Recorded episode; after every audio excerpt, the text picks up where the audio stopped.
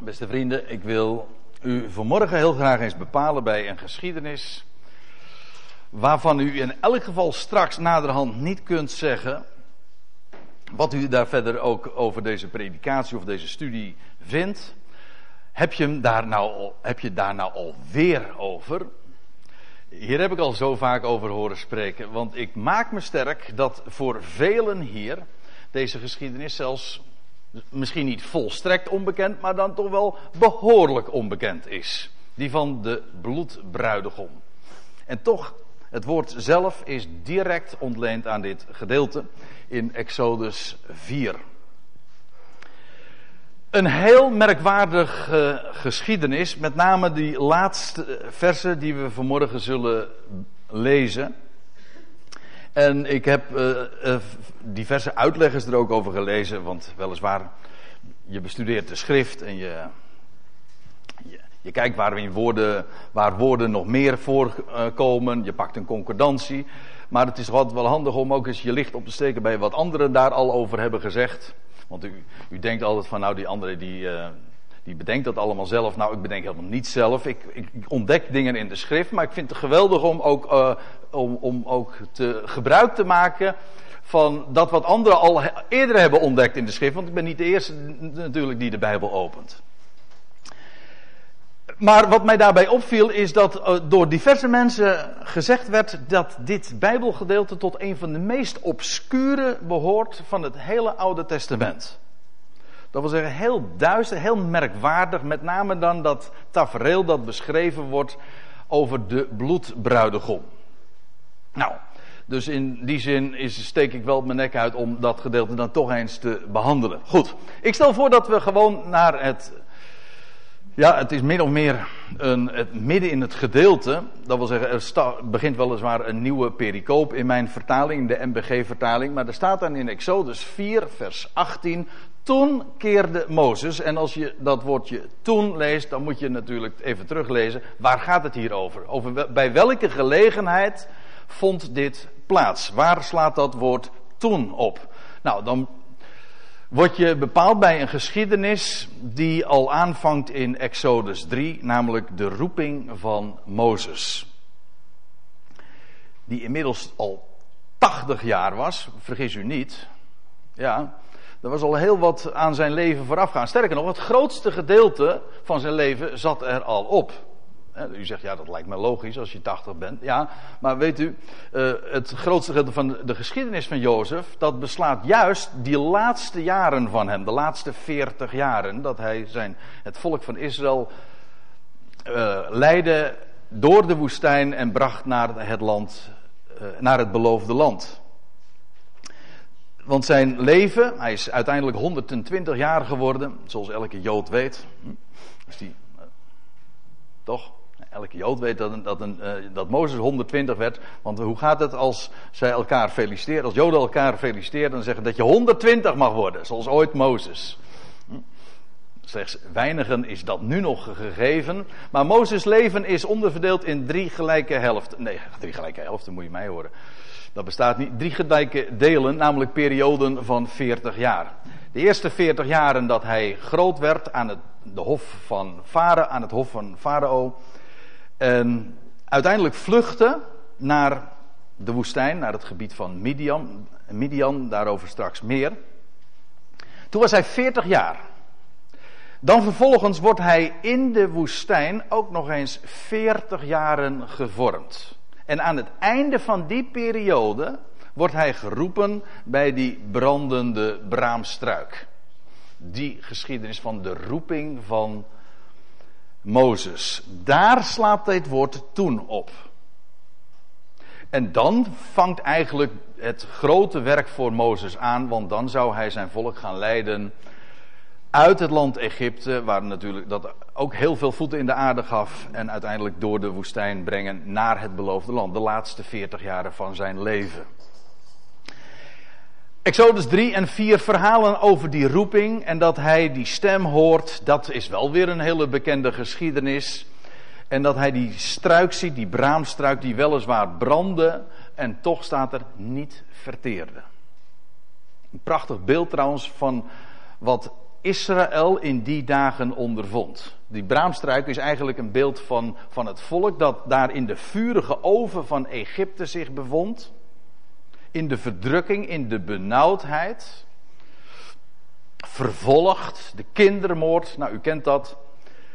En zo in die situatie bevond Israël zich en Mozes wordt uitgekozen. En was eigenlijk al die jaren al voorbereid door God, klaargemaakt om zijn eigenlijke taak nu aan te vangen. En dan vindt er een heel gesprek plaats tussen Mozes en zijn God.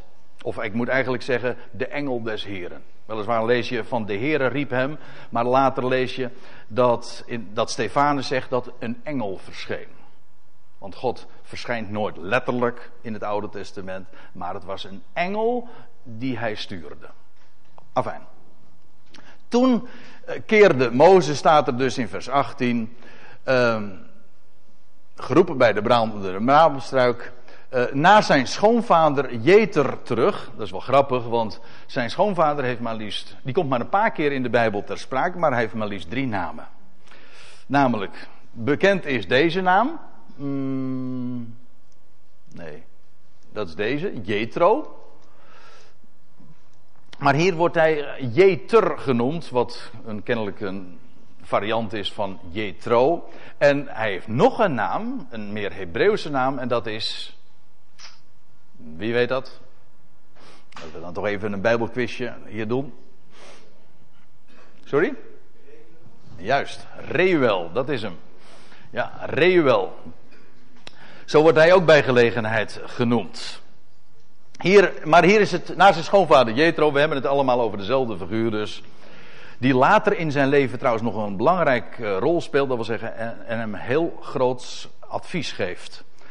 Afijn, Mozes is geroepen bij de brandende braamstruik en hij keert terug naar zijn schoonvader Jethro. Zo noem ik hem dan maar even voor het gemak. Hij keerde daarna terug en hij zeide tot hem: Ik wilde wel terugkeren naar mijn broeders die in Egypte zijn en zien of zij nog leven. Want hij wist dat ze het zeer zwaar hadden. Dat lees je ook trouwens dat de Heer dat zegt bij de brandende braamstruik. Ik heb hun, ik heb hun geroep gehoord, zegt de Heer. En daarom ben ik afgedaald. Om u te roepen. En om hen uit te leiden uit het land Egypte. En nu gaat, zegt eh, Mozes tegen zijn schoonvader. En inmiddels was hij trouwens zelf ook al vader geworden van twee zonen. Maar hij zegt, ik, ik keer terug. En zien of inderdaad mijn volk nog, voor zover ze nog leven. In die grote moeiten die ze daar in Egypte ondervonden. Ik moet er trouwens daarbij zeggen dat Mozes hierbij ook alweer een prachtig type is van de Heer Jezus Christus. Kijk, van Mozes lezen we in, ik, Zin speelde er zojuist al eventjes op, dat hij op 40-jarige leeftijd wordt hij verworpen door zijn broeders. Daarom vluchtte hij feitelijk ook. Want hij was bang voor hen. Ja, bang voor de Egyptenaren ook. Maar weet u wel, toen hij, zijn, toen hij die, die man had doodgeslagen, toen was hij uiteindelijk bang van dat anderen, hem zou, van zijn volk, hem zouden verlinken. En hij wordt verworpen door zijn broeders. En dan, keert hij, dan gaat hij de woestijn in. 40 jaar in de woestijn. En dan is hij een herder in het buitenland. Moet u nagaan. Een prins. Opgegroeid aan het hof van Farao. In de wijsheid van de Egyptenaren was hij grootgebracht. Lees je eh, ook dat Stefanus later zegt. En dan uiteindelijk keert hij terug en hij wordt Israëls verlosser. En als je het zo eventjes het plaatje neerzet eerst verworpen door zijn broeders, verdwijnt uit het zicht, wordt een, wordt een, een herder in het buitenland, volstrekt incognito, eigenlijk vergeten, maar uiteindelijk keert hij terug tot zijn volk, die hem dan inderdaad ook herkent. Eerst verworpen, later erkend. Daarin zie je meteen al van waarin Mozes inderdaad verwijst naar hem, naar die profeet die na hem zou, op, uh, zou opstaan. Ja. En Jethro zeide tot Mozes: Ga in vrede. Dat is zo'n typische Hebreeuwse groet. Als ik het zo zeg, le shalom. Zeggen ze nu nog steeds als je in Israël komt. Shalom. Vrede. Dat is weer wat anders dan hi, doei. Hè? Nee, dat zijn, dat zijn groeten die werkelijk inhoud hebben. Shalom. En ook hier wordt, uh, is het Jethro die tegen zijn zoon zegt: Ga in vrede. Leg er niets in de weg. Zo kennen we trouwens ook Jethro. Hij was, niet, hij was de inschikkelijkheid zelf. Een wijs man kennelijk. Want, staat er dan in vers 19, de Heere had tot Mozes in Midjan gezegd, keer terug naar Egypte, want alle mannen die u naar het leven stonden zijn dood. Eventjes de, het plaatje goed voor de geest halen. Hier is Egypte, dit is een satellietfoto natuurlijk, en dit is de Nijldelta. Hier ergens bevond het, uh, Israël zich ook en werden ze verdrukt. Maar het land van Midian, dat bevindt zich hier, dat is onomstreden. Wat een heel andere vraag is, waar is die berg Horeb dan? Meestal wordt er gezegd, ja, dat is hier ergens.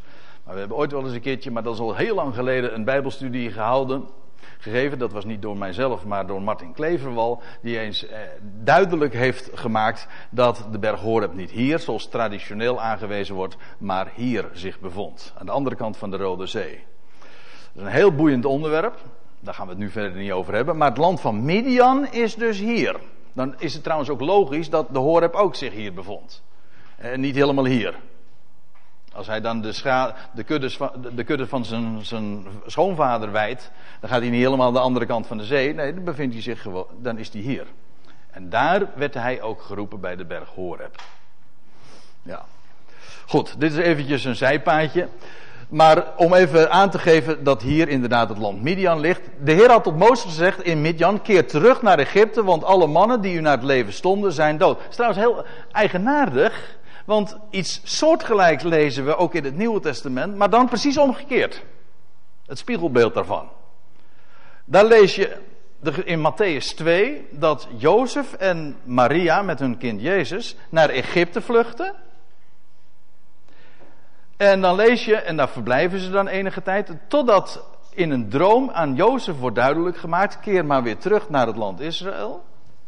Want allen die u naar het leven stonden, die zijn inmiddels dood. Of de, nee, niet allen, maar uh, Herodes. Herodes was gestorven en Herodes is dood. Je, je kunt nu gewoon weer veilig terugkeren naar het land.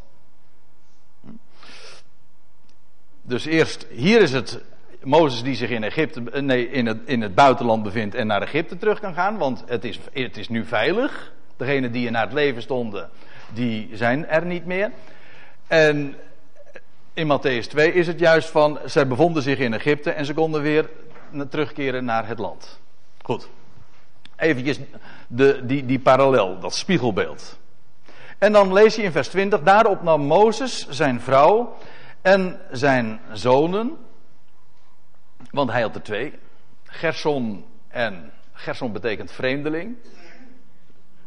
Ja, je leest in, in Exodus 2 dat, dat hij, hij trouwde dus met, wie was dat? Sephora. Ja, de dochter dus, een van de zeven of acht dochters, ja, ja, van Reuel. Of Jetro, Jeter.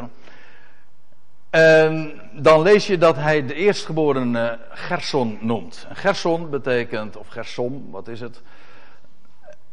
Uh, dat, dat betekent vreemdeling. Want zegt hij, ik ben, een, ik ben een vreemdeling in een vreemd land. Zo noemt hij dan ook zijn zoon. Dan krijgt hij nog een zoon en die heet Eliezer. Ja. God is mijn hulp. Mooi hoor, als je je zoon zo noemt en, en zo'n naam meegeeft. God is mijn hulp, kom je eten? Altijd als je de naam noemt, dan, dat je dan gewoon meteen verwijst naar. Dat je dan gewoon een waarheid uitspreekt. Dat is, een, naam is niet alleen maar van, nou ja, goed, je had hem ook een rugnummer kunnen geven of zo. Een getalletje. Nee, er gaat een sprake van uit in Bijbelse namen. Mozes noemt hem Eliezer. God is mijn hulp. Ja, geldt voor een heleboel namen hoor. Ik ben altijd nog erg blij dat ik mannelijk heet. Wat zit jij te lachen?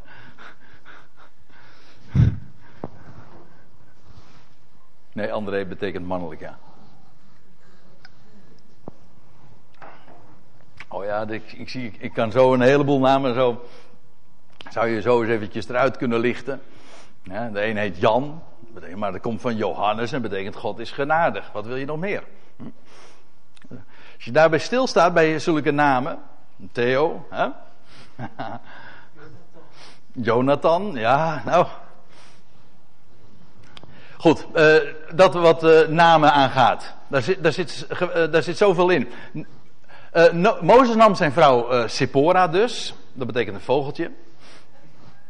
En zijn zonen, Gerson en Eleazar, zetten hen op een ezel en keerden naar het land Egypte terug. Nou, dat, is, dat staat zo even in één zinnetje, maar ik kan u verzekeren dat als je dat op de ezel moet afleggen, dat het toch nog een flinke trip is hoor. Dat doe je niet zo eventjes op een dagje. Maar uh, Mozes is hier ook werkelijk de Heer en hij geeft, ja ik bedoel, een, een echte Heer. En hij zet zijn vrouw op de, op de ezel en hij gaat zelf lopen kennelijk. En zijn zonen ook.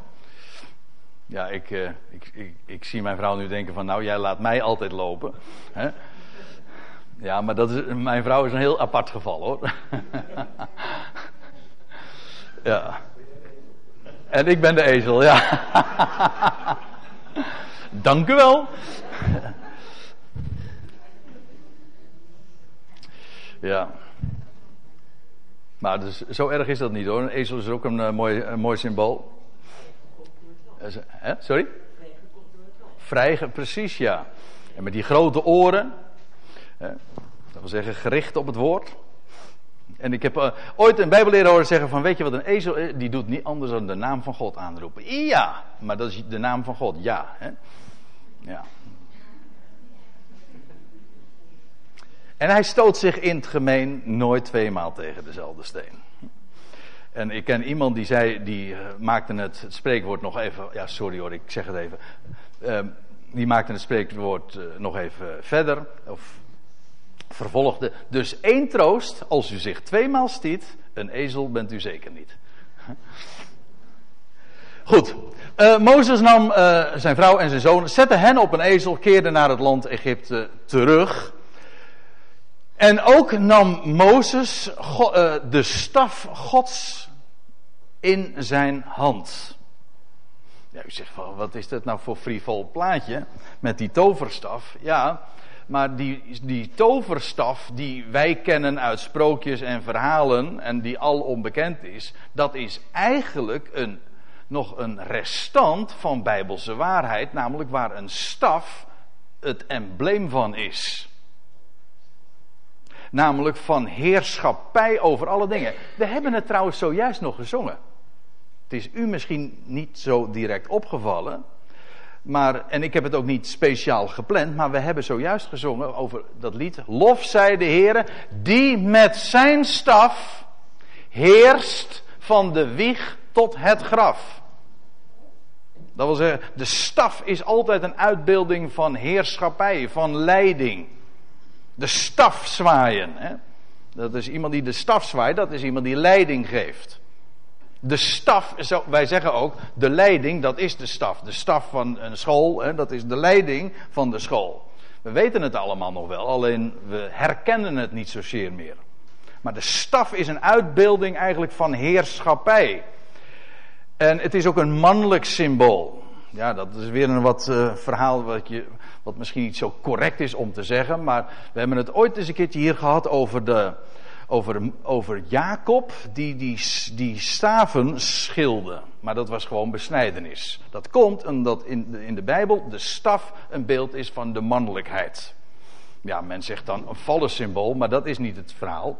Het is een, een mannelijk symbool. De roede, de staf. Ja. Die staf Gods, zo wordt het een paar keer genoemd in de Bijbel, maar dat bij, in de geschiedenis van Mozes komt het nog een aantal keren voor. Je leest net in het voorgaande, ook ditzelfde hoofdstuk, dus vers 17, en dan zegt God tegen Mozes, en deze staf, waarmee gij de tekenen moet doen, moet gij in uw hand nemen. Nou, dat woordje moet kun u trouwens doorstrepen, want dat staat er niet. Staat letterlijk in het Hebreeuws, maar zult. Gij zult die tekenen doen en gij zult die in uw hand nemen.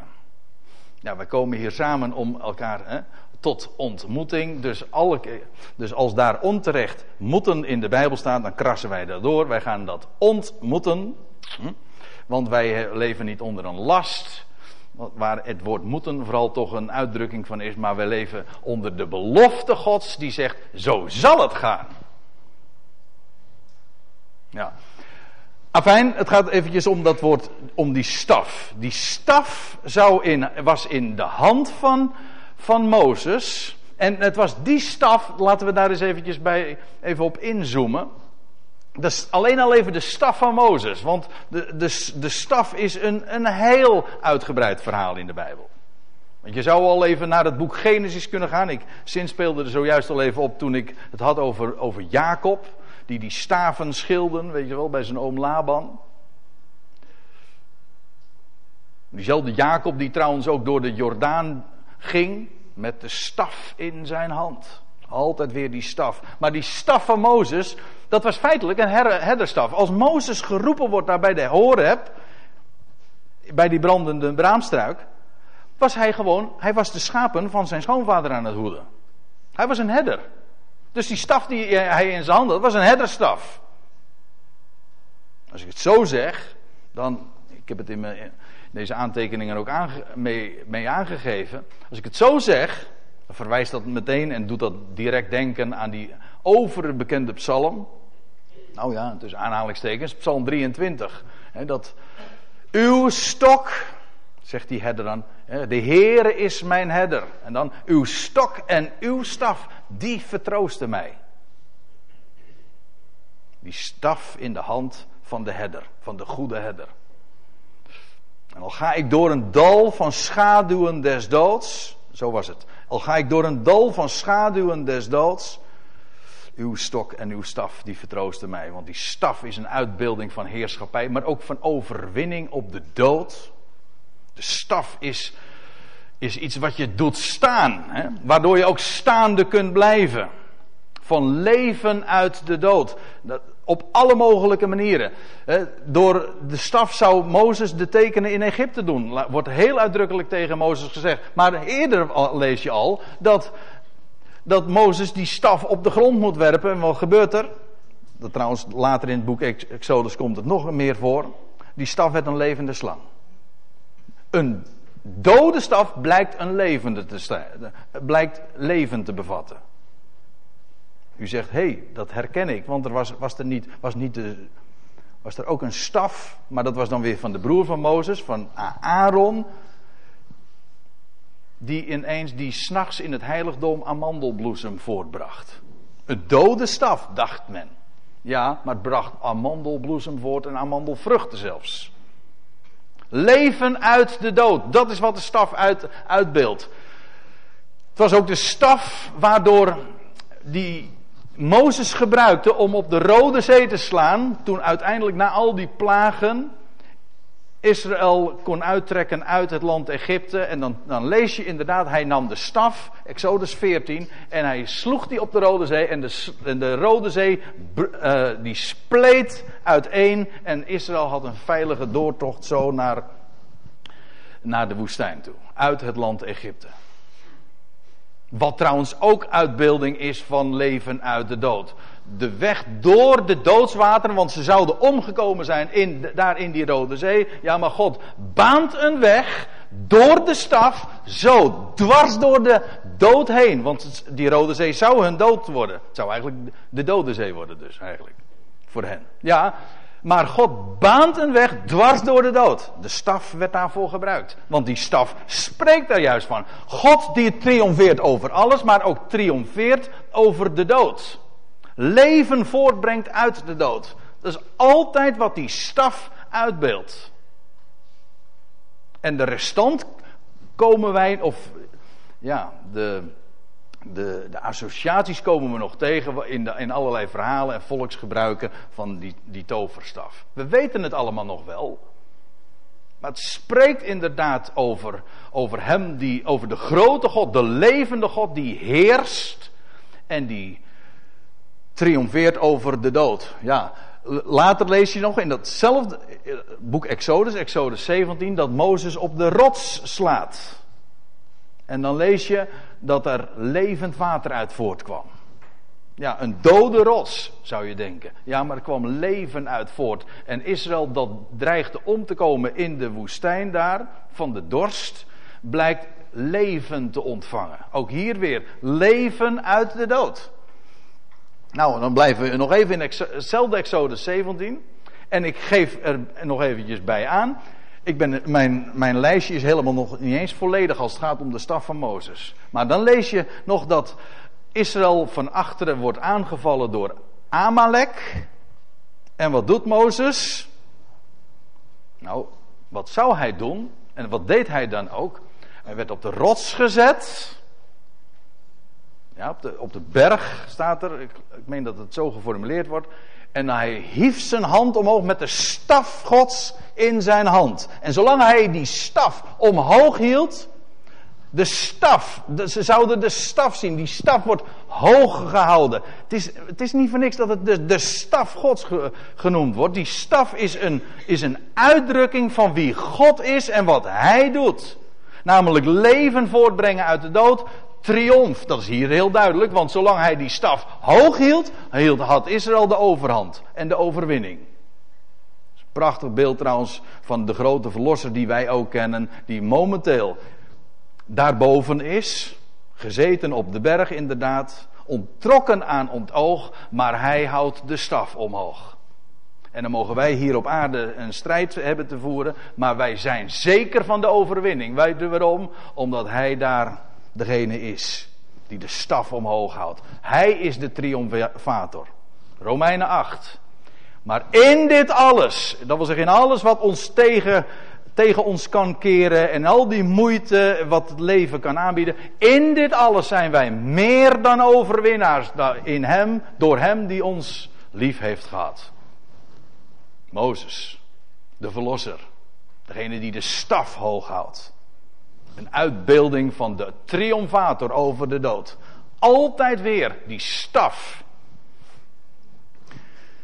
Goed, met die staf dus in de hand ging hij naar het land Egypte terug. En dan later, dan lezen we in, in uh, vers 21. En de Heer zei tot Mozes, nu gij gaat terugkeren naar Egypte, zie toe dat gij voor het aangezicht van Farao al de wonderen doet die ik in uw macht gesteld heb. Als je een andere vertaling leest, dan staat er net even iets anders. Dan, wordt er vooral, dan is het vooral passief. Dat, Mozes, dat tegen Mozes gezegd wordt van, zie toe. Dat wil zeggen, jij hebt die staf in je hand en je zult het zien. Je, je, je, zult, je, je staat erbij en je kijkt ernaar. Je zult zien wat die staf van mij, die staf die jij in je handen hebt, vermag. En eigenlijk werd die herderstaf een scepter, want Mozes werd de koning van zijn volk. Ineens werd die herderstaf een koningsstaf. Ja, uh, zie toe dat gij voor het aangezicht van Farao al die wonderen doet die ik, die ik in uw macht, middels die staf, gesteld heb. Maar staat er dan bij, ik zal zijn hart verharden, dat wil zeggen van Farao dus. Hè? Ik zal zijn hart verharden, zodat hij het volk niet zal laten gaan. Moet je even goed luisteren wat hier staat. En hier gezegd wordt. Eerder was al gezegd tegen Mozes: Farao zal niet luisteren. Dat was gewoon voorzegd. Nu wordt er nu wordt weer gezegd, maar nu wordt nog sterker gezegd. Het is niet alleen maar zo van Farao zal niet luisteren. Nee, ik zal ervoor zorgen dat Farao niet luistert. Op voorhand. Mozes moest dus, hij bevond zich nog in de woestijn. Hij zou naar het Egypte teruggaan. Maar op voorhand zegt God al. Farao zal niet luisteren, maar dat wist hij al. Dat was al bij de brandende braamstruik gezegd. Nu zegt, komt God hem weer tegen, doet hem weer mededeling. En nu zegt hij, ik zal zijn hart verharden. trouwens, ik moet er iets bij zeggen. In het Hebreeuws staat hier uh, het woord versterken. Ik zal zijn hart sterk maken. Je leest ook in de loop van de geschiedenis dat iedere keer dan, dat als er dan een, een teken gebeurt in het land Egypte, u weet er zijn negen plagen, ja uiteindelijk tien plagen. En dan wordt, dan lees je iedere keer na, na zo'n plaag en, en Farao verhardde zijn hart. Dat wil zeggen, hij versterkte zijn hart, hij, hij, hij bleef eigenwijs. Hij bleef, hij, iedere keer verzamelde hij al zijn kracht, ondanks de, de tegenstand die hij kreeg, ondanks die plagen die over Egypte kwamen. Hij versterkte zijn hart. Op een gegeven ogenblik, na de zesde plaag, dreigde hij eronder door te gaan. En dan lees je, en de Heere, jawel, versterkt. Toen de, heer, de Heere verhardde zijn hart. Toen dreig, toen, je zou denken van nou, eindelijk heeft de Heere succes. Hm? Ja, dat is menselijkerwijs gedacht. Nou heeft hij succes. Eindelijk, uh, Farao, die is er inderdaad onderdoor gegaan. Hij kon er niet meer tegen. Tegen al die plagen die over het land Egypte kwamen. Ja, dat zou je denken. En als hij er dan onderdoor dreigt te gaan, dan is het de Heer zelf die hem de kracht geeft. Die zijn hart versterkt. Ik zal zijn hart verharden, zijn hart versterken, zodat hij het volk niet zal laten gaan. Heel merkwaardig. En ik weet dat veel mensen hier ongelooflijk veel moeite mee hebben. En het is de apostel Paulus die in Romeinen 9 uitgebreid, op, niet alleen op deze geschiedenis, maar op dit hele fenomeen ingaat. Dus tegen God, Mozes krijgt van Gods wegen de boodschap die hij mag doorgeven daar aan het hof van Farao, laat mijn volk gaan. Maar God zegt op voorhand al, dat wist Farao natuurlijk niet. Ik zal zijn hart versterken, zodat hij je, uh, het volk niet zal laten gaan. Dus Gods wil is, laat mijn volk gaan. Maar het was Gods bedoeling, zijn verborgen bedoeling, want dat wist Farao helemaal niet, dat het niet zou gebeuren. En dan lees je ook, later wordt dat uitgelegd en Paulus betoogt dat ook uitgebreid in Romeinen 9. Dat hoofdstuk moet je echt in dit verband lezen dat het was opdat God zijn kracht zou demonstreren. En om je kracht te demonstreren heb je een tegenkracht nodig. Heb je een tegenstander nodig. En God heeft zo'n tegenstander gemaakt in Farao. Farao dacht natuurlijk dat hij zijn eigen keuze maakte. Dat denken mensen altijd. Hè? Ik heb toch een eigen wil, ik heb toch een vrije wil. Ja, natuurlijk. Farao, was niet, eh, helemaal niet op de hoogte van het feit dat, dat zijn hart verhard werd. Dat is, dat, is, dat is een inkijkje zeg maar, achter de coulissen die ons in de schrift geboden wordt. Maar dat wist Farao niet. Daar was hij zich volstrekt niet van bewust. Wij zijn ons ook niet bewust van de keuzes die wij maken. Wij denken, oh, dat is mijn vrije wil. Vergeet het maar, mensen. En dat vind ik zo'n machtige waarheid in de hele Bijbel. Dat is dat God gewoon alles beschikt. En je leest dat staat niet alleen van Farao, het staat zelfs van het, het hele volk van de Egyptenaren. In Psalm 105, daar blikt de psalmist terug op de geschiedenis. En dan lees je, gaat het ook over de, de gebeurtenissen daar in het land Egypte, de verdrukking van Israël, et cetera. En dan lees je, hij, gaat het echt over God hoor, hij veranderde hun harten. Dus je zou eigenlijk suggereren, Egypte zelf was wel bereid om het volk te laten gaan. Maar de Heer zelf heeft hun hart veranderd, dat namelijk de harten van de Egyptenaren, zodat zij zijn volk haten, antisemitisme, toch? Het haten van het volk van God, het haten van het volk van Israël, ja, dat is antisemitisme. Nou, hier staat, hij, de Heer zelf, wordt niet boos op mij, hè? Dit staat gewoon in de Bijbel. Hij veranderde hun harten, zodat zij zijn volk haten en listig handelden tegen zijn knechten. De Heer zelf heeft dat bewerkt. Niet alleen Farao, maar zelfs het hele volk van de Egyptenaren. Dat dat sentiment ontstond. Met andere woorden, God is het die goed en kwaad beschikt. Goed en kwaad. En zelfs een opstandige farao die zegt van nee, nee, is niets anders dan een instrumentje in zijn handen. Dus als jij nou nee zegt tegen hem en je verzet tegen hem, verbeeld je niks. Je bent gewoon klei in de hand van de pottenbakker. Dat is trouwens ook het beeld wat Paulus gebruikt in Romeinen 9. En God heeft uh, beelden, hij, hij, hij vervaart of hij maakt van het ene stuk klei een stuk ter eren en het andere tijdelijk voor tot oneer. Uiteindelijk natuurlijk om zich over allen te ontfermen. Maar in zijn wegen, die, de wegen die God gaat, gebruikt hij zowel goed als kwaad. En hij is de grote regisseur van dat alles. Waarna vervolgens de vraag komt: maar wat heeft hij dan nog aan te merken? Want wie weerstaat zijn wil? Ik bedoel, wat kon Farao nou aan doen dat hij nee zei? Want God zelf had zijn hart verhard. En weet je wat Gods antwoord dan is? Maar gij, o mens, wie zijt gij dat gij God zou tegenspreken? Heeft de pottenbakker niet het recht om zelf uit, uit het ene stuk klei het, dit te, hoe staat het, het ene vat ter ere voor te brengen? Ik citeer het nu even vrij, sorry. En het andere tot oneer?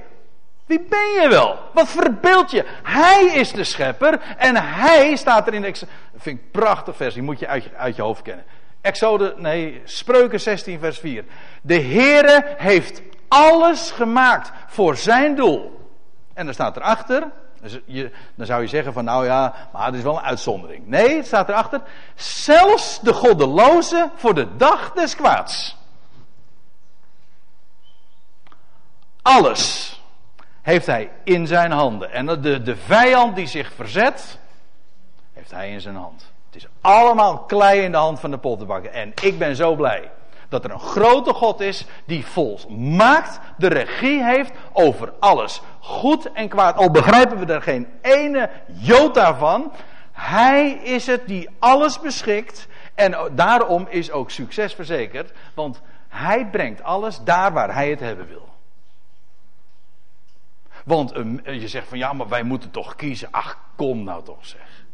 Dat is wat er altijd verteld wordt, dat weet ik wel. Over die keuze van de mens. Maar hij opent gewoon een hart door. Hij opent je hart. Daar heb je, hoef je helemaal niks bij te verbeelden. En het, dat is ook spreuken. Het oog dat ziet, het oor dat hoort, beide heeft de Heere gemaakt. En als je iets mag zien van de glorie van zijn woord, dank hem op je knieën, want hij heeft jouw ogen geopend. En als, het, als je het niet ziet, maak het, neem het een ander niet kwalijk. Je neemt het een, ander, je neemt het een blinde toch ook niet kwalijk dat hij niet ziet? De Heere geeft het alles op zijn tijd. En ik vind dat een machtige waarheid. Hier wordt dat al tegen Mozes gezegd. En Farao was hier allemaal niet van op de hoogte. Dat, was, dat ging hem ook helemaal niks aan. Trouwens, Israël wist dat ook niet. Maar tegen Mozes wordt het gezegd. Ja. Weet u wat? Je leest ook in het boek der Psalmen. Daar staat er van God maakte aan Israël zijn daden bekend. Maar er staat erachter, maar aan Mozes zijn wegen. Heel verschil. Zijn, de daden hebben ze, allemaal, hebben ze allemaal kunnen aanschouwen. Ja, maar Gods weg, het hele motief waarom het zo ging, dat wist Mozes.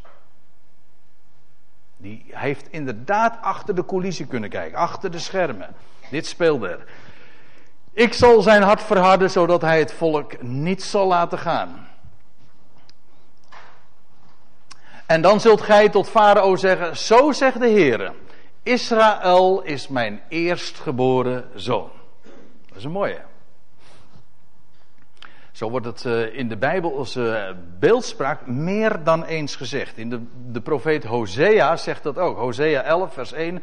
Toen Israël een kind was, heb ik het lief gehad en uit Egypte heb ik mijn zoon geroepen. En de Bijbelkenners onder u weten dat ditzelfde woord ook aangehaald wordt weer in datzelfde Matthäus 2 waar ik het ook over had. Wordt het toegepast op de Heer Jezus. Het gaat eigenlijk over Israël. Waarbij ik trouwens nog iets moet zeggen. Dat is ook een mooie. Moet je altijd in gedachten houden. Dat het, de, dat het hele proces wat daar gebeurde in Egypte. En de verlossing van Israël uit het land vergeleken wordt met de geboorte van een kind. En als ik dan in dit verband het woord verlossing gebruik, gebruik, is dat helemaal dubbelzinnig. Het was met recht een verlossing uit Egypte. Egypte die de rol van een moeder speelt. En Israël wordt, is daar gevormd. En door die weeën heen, door die negen heb je het weer. Door de negen plagen heen, uiteindelijk die tiende, maar dat was een algemene plaag, dat was, die moet je niet meerekenen. Breken de wateren, wat dacht je daarvan? Van de Rode Zee bedoel ik. En Israël kon zo daardoorheen uh, trekken en wordt verlost. Dat was met recht een verlossing. Dat is een beeldspraak die ik niet verzin, dus je kunt het uh, terugvinden in Ezekiel, ik meen hoofdstuk 16. Dat is één punt. Dat wordt dan gezegd. Het punt was dat de navelstreng niet was doorgesneden. Nou, nu zeg ik echt iets wat alleen de Bijbelkenners zullen herkennen. De navelstreng was niet doorgesneden. Je leest ook dat Israël nog steeds eh, verlangde naar de vleespotten van Egypte. Nou. nou, hoe dan ook, het wordt vergeleken, dat is nu in dit verband even voldoende, dat Israël inderdaad uit Egypte geroepen wordt, dat wordt vergeleken met een geboorte, een verlossing. Israël is een eerstgeboren zoon. Een eerstgeboren zoon, dat wil zeggen de belangrijkste erfgenaam. Te midden van alle volkeren der wereld is Israël de eerstgeborene. En dan wordt er later ook in Exodus 19 gezegd: uh, Zij zijn mij een volk, een koninklijk en een priesterlijk volk. Want dat zijn de eerstgeborenen. Al het eerstgeborene, zegt de Heer, dat is mijn. Dat heeft de hoogste plaats, de hoogste functie. Dat, de Levieten hadden eigenlijk ook een, een eerstgeboren plaats te midden van het volk. Hoe dan ook, de eerstgeborene, uh, dat is wat Israël voor God is. Te midden van de volkerenwereld, het eerstgeboren recht, degene die voorop gaat. En dan wordt er nog iets aan toegevoegd. Daarom zeg ik u, dat zegt dus de Heer tegen Mozes. Uh, ja, dat moest Mozes tegen Farao zeggen: Laat mijn zoon gaan. Dat wil zeggen: Laat mijn volk Israël gaan, opdat hij mij dienen. Zoudt gij echter weigeren hem te laten gaan, dan zal ik uw, eerst, dan zal ik uw eerstgeboren zoon doden. Dat wil zeggen: Zal je mijn zoon Israël doden, treffen, dan zal ik uw eerstgeboren zoon treffen. Wat ook uiteindelijk gebeurt. Dat is de laatste ramp die over Israël komt, de tiende plaag. Letterlijk zo inderdaad gebeurt. Maar het wordt dus al op voorhand door God voorzegd en tegen Mozes uitgesproken. Mozes wist dat het zo zou gaan. En nu komen we bij die merkwaardige geschiedenis waar ik aan het begin van deze toespraak al even aan refereerde. Die, dat merkwaardige uh, gedeelte, die paar versen over, dat, over die bloedbruidegom. Dan lees je in vers 24, onderweg nu, dat wil zeggen, Mozes is met zijn zonen en zijn vrouw, is die op weg naar Egypte. En onderweg nu, in een nachtverblijf, eh, in de Statenvertaling lees je in een herberg, kwam de Heere hem tegen en zocht hem te doden. Als u een andere vertaling heeft, dan volgens de Septuagint was het een, een, een engel van de Heere. Dat doet nu even niet ter zake. Hij zocht hem te doden. Ja, u ziet het misschien niet zo goed, maar dat plaatje wat ik erbij heb, dat, daarvan zou je kunnen zeggen van hé, hey, dat is een verkeerd gekozen, plaatje. Dit is een plaatje van Jozef, nee, van Jacob, die, die vecht met die engel bij Pniel, weet je, bij de Jabok.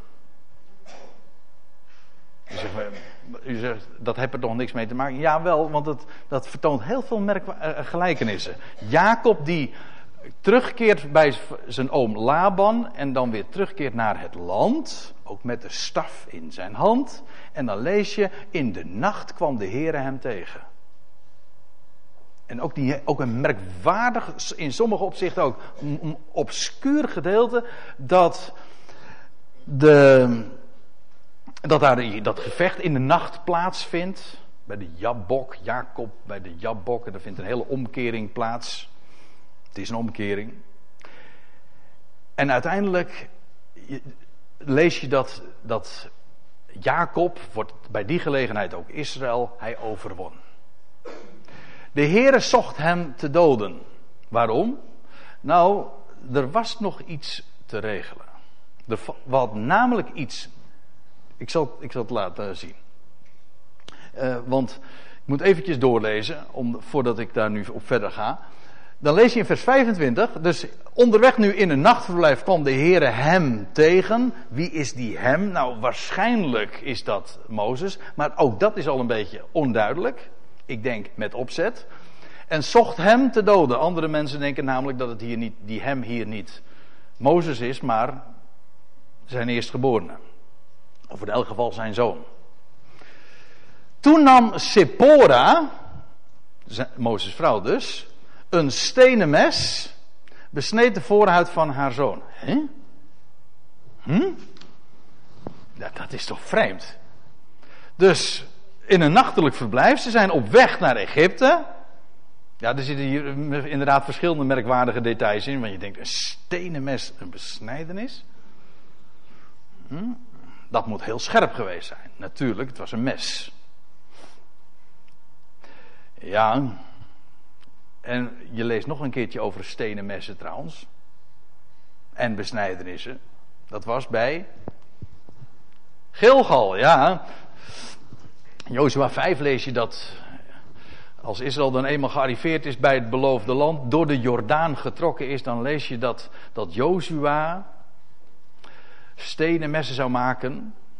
En daar het volk, want dat was tijdens de woestijnreis niet gebeurd, alle mannen onder hen zou besnijden. Dat was Gilgal. Ja. ja. U ziet mij nu denken, eh, maar ik ga er nu even niet dieper op in. Ik wil even op iets anders wijzen. Namelijk dat het, hier wordt er op iets gewezen. Het wordt verondersteld. Het wordt namelijk niet uitgelegd. Dat maakt het ook wat obscuur natuurlijk. Wat, wat duister. Het wordt niet uitgelegd, maar dit suggereert dus dat die zoon niet besneden was. Terwijl God toch heel uitdrukkelijk had gezegd. Um, oh ja, in, ja dat is, ik, hier, dit Bijbelgedeelte bedoel ik. In Genesis 17, vers 14. Dat is bij het verbond met Abraham. Dat, dat het nageslag van Abraham besneden zou worden. En dan lees je zelfs ook bij dat er ieder die dat niet zou doen, die zou worden uitgeroeid uit zijn volk. Die besnijding is zo buitengewoon belangrijk. En dan moet je je niet blind staren op dat symbool zelf. Nee, op wat het uitbeeldt. Op een of andere reden was die zoon, en waarschijnlijk de zonen van Mozes, waren niet besneden. Hoe, kon Mozes nu zijn volk, het verbondsvolk van God, waar hij een eten had gezweerd en het teken daarvan was de besnijdenis, hoe kon Mozes nu als, als, als leider, als, als heer van zijn huis naar Egypte gaan en het volk uitleiden uit het, uit het land Egypte, terwijl zijn eigen jongens niet besneden waren? Om welke reden dan ook. De tekst suggereert dat Sephora dat heeft tegengehouden. Want het is Sephora die meteen in actie komt.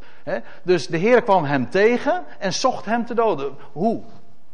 Eh, letterlijk zoals dat ooit bij Jacob gebeurde, dat er een, engel of een man met hem ging strijden, incognito. Of werd hij ineens zwaar ziek, dat hij uh, dreigde de dood te gaan.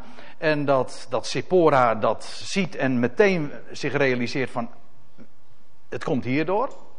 Het wordt allemaal niet uitgelegd. Eén ding wordt wel gezegd, namelijk, de Heere zocht hem te doden. En dan staat erbij, Sippora nam meteen een stenen mes en besneed de voorhuid van haar zoon. Dat wordt er wel gezegd. Dus dat was kennelijk nog niet gebeurd. Dat is, dat is een ding wat zeker is. Ja. En raakte daarmee, dat wordt daarmee kun je weg krassen, want dat staat er niet eens zo, raakte zijn voeten aan en zeide, voorzeker, gij zijt mij een bloedbruidegom. Dus die jongen wordt besneden, Mozes dreigt te sterven en, en weet meteen hoe het, waardoor dat komt. Ze weet, de besnijding is achterwege gelaten. Misschien heeft Mozes het doorgegeven, dat weet ik allemaal niet. Je kunt erover fantaseren wat je wil. We hebben het te doen met deze, met deze sumiere mededelingen. Eh, dus die voorhuid wordt weggesneden en raakte daarmee zijn voeten aan. Die van die zoon of van Mozes staat er ook al niet. En dan zegt Sephora tegen Mozes: Voorzeker, gij zijt mij een bloedbruidegom. Mozes is het die dreigde te sterven, dat, was, dat is de, de gedachte. En nu krijgt ze, eh, maar dat wordt nu verhinderd, dat wil zeggen voorkomen door die besnijdenis. Er vloeit bloed. En dan lees je vervolgens, want laat ik het meteen even verder lezen. En hij liet, en hij, dat wil zeggen die engel of de Heere, liet hem met rust. Dat wil zeggen, dat was inderdaad hetgeen wat moest plaatsvinden. Die besnijdenis. Die er moest bloed eerst nog vloeien. Die besnijdenis moest plaatsvinden. Die herinnering aan de eed die ooit gezworen was aan Abraham. Dat moest gerealiseerd worden. En dit lijkt heel obscuur, en dat is het ook. Het is een, een merkwaardig tafereel. Als je deze zinnen leest, het stelt je sowieso voor een aantal vragen. Maar bedenk even goed. Het hele Bijbelse plaatje. Namelijk dat Mozes de verlosser is. Een type van de Heer Jezus Christus. Hij zou zijn volk brengen uit, uh, ja, de verlossing aanbrengen. Ja, en nu krijgt Sippora, zegt van, ja, je bent, je, je, je, je zou mij ontvallen zijn door de dood. De Heer zocht hem te doden. En door die besnijdenis werd dat verhinderd. En nou zegt ze, je bent een bloedbruidegom. Eigenlijk krijgt ze, wat ze eigenlijk zegt, je bent weer een bruidegom voor me. Een nieuwe man. Leven na de dood. Dat is, dat is eigenlijk wat het, wat het eigenlijk uitbeeldt. Die Mozes, zo, zo zegt zij het. Je, je, bent, je was bij wijze van spreken al gestorven en, en nu, door die besnijdenis, ben je toch in leven gebleven. Je bent me opnieuw een bruidegom. Maar door dat bloed. Gij zijt mij een bloedbruidegom. Feitelijk, zegt zij, herinnert ze Mozes ook aan zijn naam. Mozes die als het ware weer opnieuw, uh, zij krijgt opnieuw weer een man die, ze, die bijna dood was. En ik zeg, uh, uh, ze herinnert Mozes aan zijn naam, want weet u, Mozes was ooit, zijn leven was begonnen en werd hij in de Nijl geworpen. Maar dat, die Nijl, dat waren gewoon doodswateren.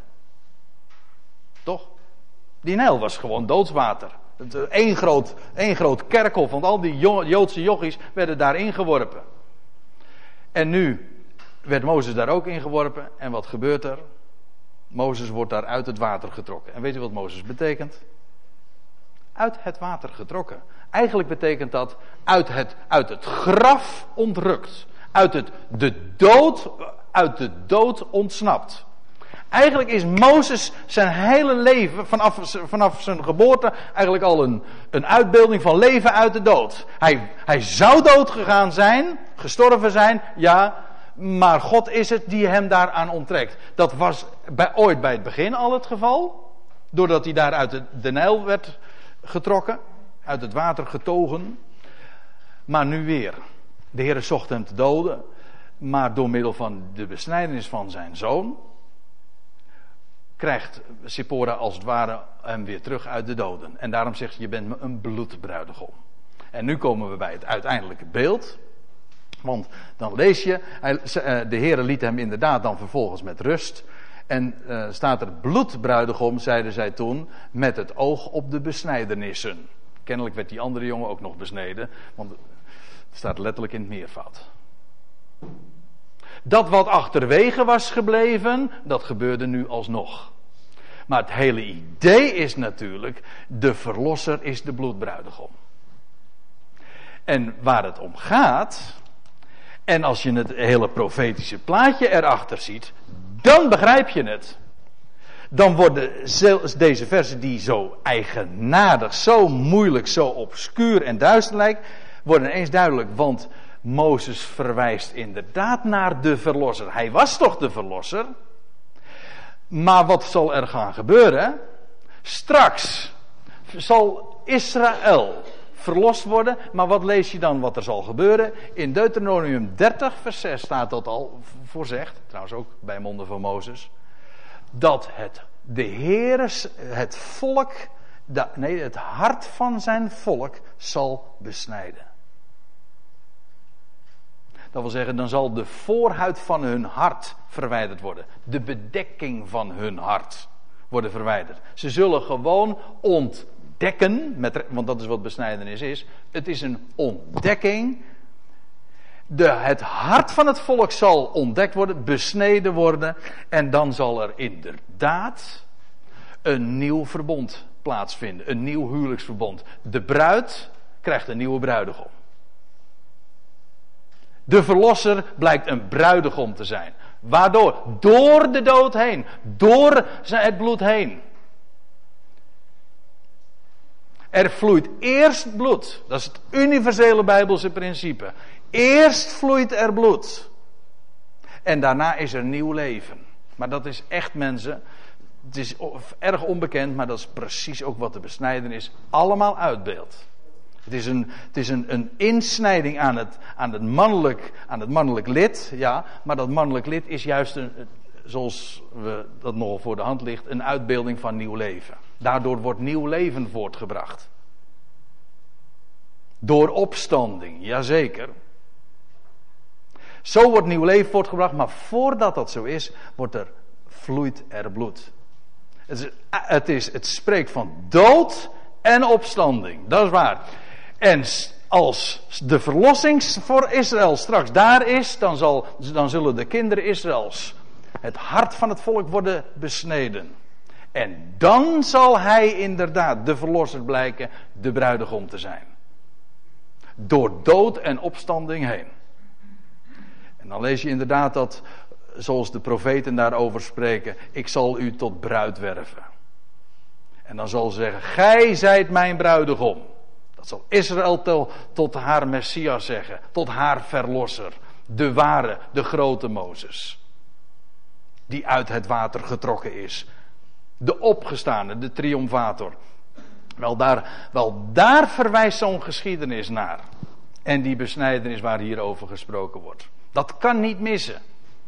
En dan blijkt ook, en ik hoop dat ik dat in elk geval ook duidelijk gemaakt heb. Het zijn hele moeilijke versen dan blijkt dat zulke merkwaardige eh, versen en zo'n merkwaardige geschiedenis altijd en per definitie te verwijzen naar de Heer Jezus Christus. Altijd. En ik uh, wil eigenlijk ook eindigen met, met die tip. Als u de Bijbel leest en je, je begrijpt dingen niet, ook met name bij geschiedenissen, waarom zou dat zo plaatsvinden? Waarom wordt dat zo geschreven? Dan is dat altijd omdat daar een. Dan moet de bedekking moet worden weggenomen. Onder de oppervlakte moet je lezen. En dan blijkt het te verwijzen naar hem waar heel de schrift van spreekt. Ik stel voor dat we daar een lied over gaan zullen zingen.